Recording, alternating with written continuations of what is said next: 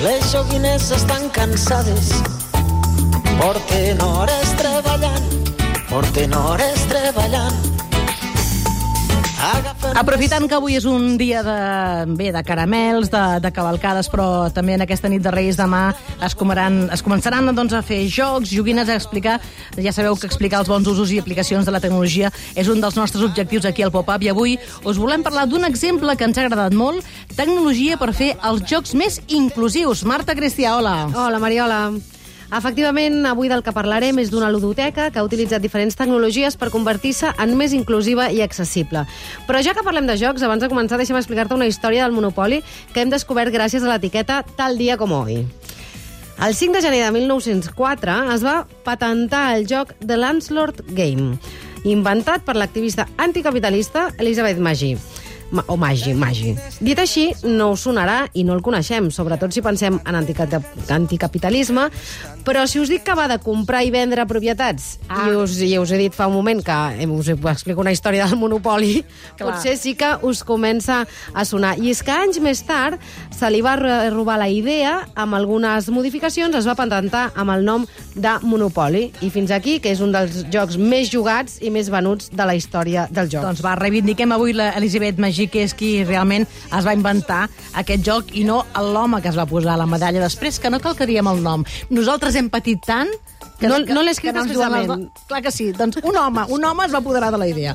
Bé, sempre podem aprendre coses. No entenc, però, on hi ha la crítica al capitalisme en el monopoli. Això Sí, perquè és que inicialment, quan a, a, a l'Elizabeth Maggi va inventar-se el Landlord eh, Game, va plantejar com dos fases del joc. Una, en què no es podien fer monopolis, o sigui, s'havia de comprar individualment, i una en què sí, amb la idea de que s'entengués que la primera era la més correcta, no? El, el primer sistema de no monopoli era el més correcte i més just.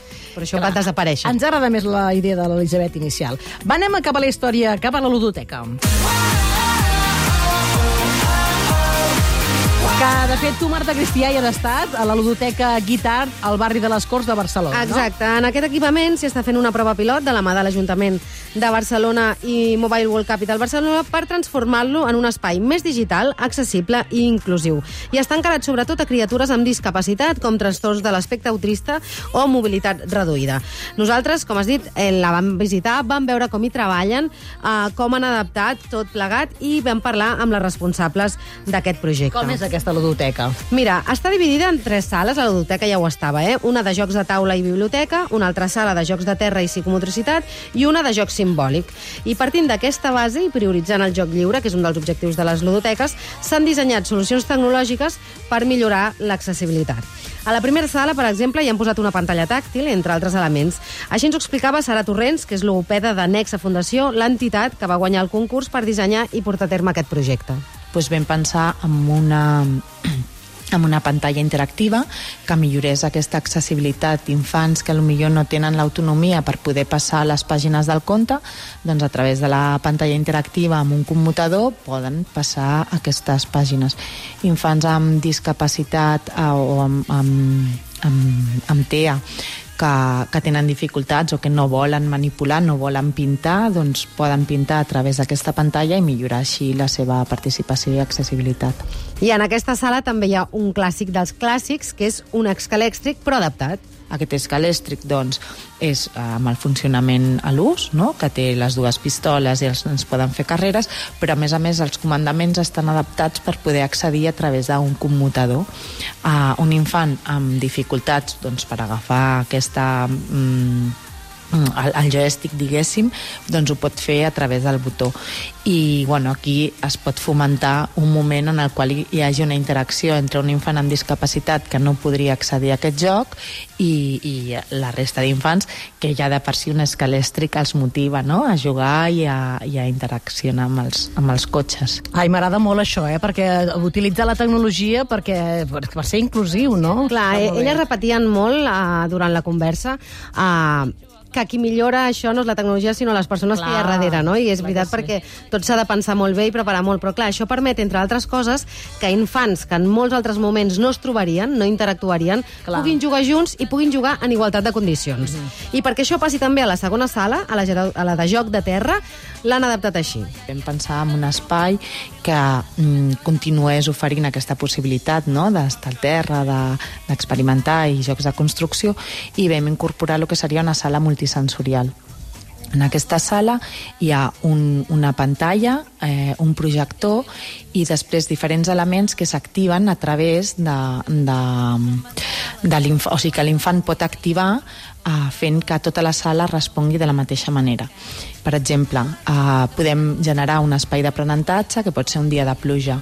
Eh, posem elements de la pluja, unes botes d'aigua, posem un, uns xubasqueros i després projectem doncs, aquesta pluja, a més a més senten el ventilador, senten aquest vent uh, i podem doncs, bueno, anar explorant junts diferents entorns. També es pot fer un treball més específic o més cognitiu doncs, per treballar vocabulari o per, uh, bueno, per descobrir, eh? perquè l'objectiu de la ludoteca és jugar, no tant uh, aprenentatges com, com es fan a l'escola.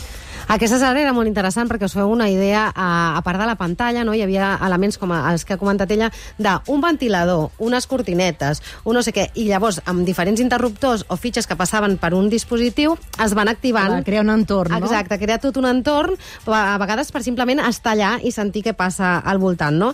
I perquè encara us ho pugueu uh, imaginar millor, la Maria Arumí, directora de la ludoteca, ens va explicar una de les activitats i vam poder veure que han preparat per aquestes festes de Nadal. Tenim un dispositiu que es diu Proximity, que hem programat perquè quan els infants passin una targeta per aquell element, doncs surten aleatòriament cançons de Nadal. Però no és només la cançó, és també amb el projector la imatge i tots els elements que abans explicàvem també que van amb, amb, relacionats amb això, les llums, tot, tot això, i clar, crea tot un ambient diferent que si només poses una cançó. Però tot i aquestes activitats nadalenques, que tot estava bastant encarat aquí aquests dies, no? Un dels jocs que més triomfa en aquesta sala és aquest. El que va funcionar molt bé és a la, a la sala multisensorial també tenim una tira que és de llum negra. En aquesta activitat el que vam fer és jugar amb pintures fluorescents. Vol dir que tot estava a les fosques i els infants podien pintar. Clar, el, el contrast del brillant i això va ser una, una activitat que va tenir molt èxit. Precisament els infants amb TEA el van disfrutar molt, aquesta activitat. I encara queda una tercera sala. és la sala del joc simbòlic, aleshores el que vam fer és posar com un lector de, de codis QR i qualsevol objecte que nosaltres hem programat prèviament, passant-lo per una tauleta, podem fer una projecció audiovisual que ajuda en aquesta representació mental, ajuda a descobrir uh, doncs, les característiques dels diferents objectes, dels elements, i bueno, a partir d'aquesta tecnologia doncs, són els, els mateixos uh, educadors que han, de, que han de continuar generant aquestes propostes que facin que els infants participin i, i s'ho continuïn passant bé. Bé,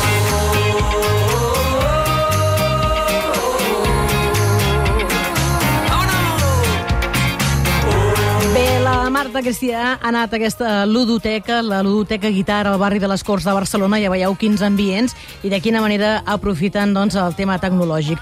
L'objectiu, per tant, Marta, és que totes les criatures puguin jugar a tot, no? Exacte, exacte. Per exemple, amb commutadors o ratolins adaptats per nens i nenes amb problemes de mobilitat o altres solucions més sensorials com les que hem sentit del vent, les projeccions, tremolors, de, de butaques que es mouen i elements d'aquest estil per criatures amb trastorn de l'espectre autista. I el principal objectiu és que no només puguin jugar tots, sinó que puguin jugar amb igualtat de condicions amb la resta. Clar, jo crec que aquests elements han ajudat molt a, a poder participar en igualtat de condicions amb, amb tots els infants. Per exemple, infants amb TEA que de vegades els hi costa una mica temes de pintar o més sensorials, la pantalla tàctic, el, tàctil els hi ha ajudat molt a poder participar amb altres infants o dibuixar o jugar amb aplicacions concretes, això. I aquí sí que s'ha vist molt la- l'augment de la participació. Per aconseguir-ho, òbviament, l'equip s'ha hagut de formar, no només a nivell de, de, de concepte, sinó a nivell de software, no? Però, com diu la Maria Arumí, ara que ho han provat, tenen claríssim que el futur ha d'anar cap aquí.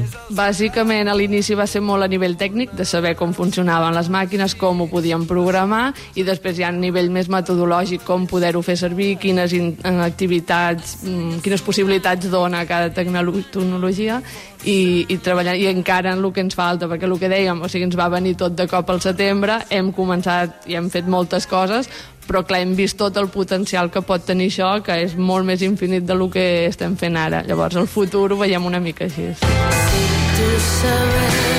En quin moment del projecte estan, Marta? Ja han pogut treure algunes conclusions més enllà del que hem sentit? Sí, fa tres mesos que funciona, encara ha de funcionar tres mesos més, i les conclusions van clarament que està tenint èxit i que l'objectiu ha de ser portar-ho a diferents equipaments.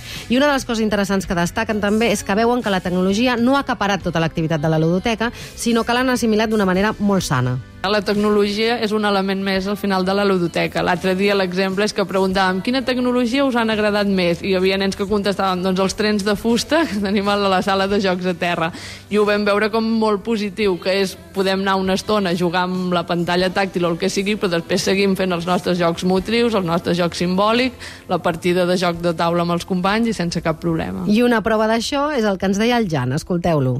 Jugar a pilota. Jugar a pilota. Això és el més divertit, eh? A mi també és el que m'agrada més. I mm, de les coses que hi ha dins i no a fora al pati, quina és la que t'agrada més? Anar amb pilota. Que bo, Marta Cristià, moltíssimes gràcies. De fet, la pilota és una de les joguines que triomfen aquesta nit, eh? Molts nanos i nenes i, i nens han Sempre dona joc, la pilota. La pilota és... eh, Mira, és que hem d'anar a l'essència, la pilota. Va, res, fem una pausa i anem a les xarxes.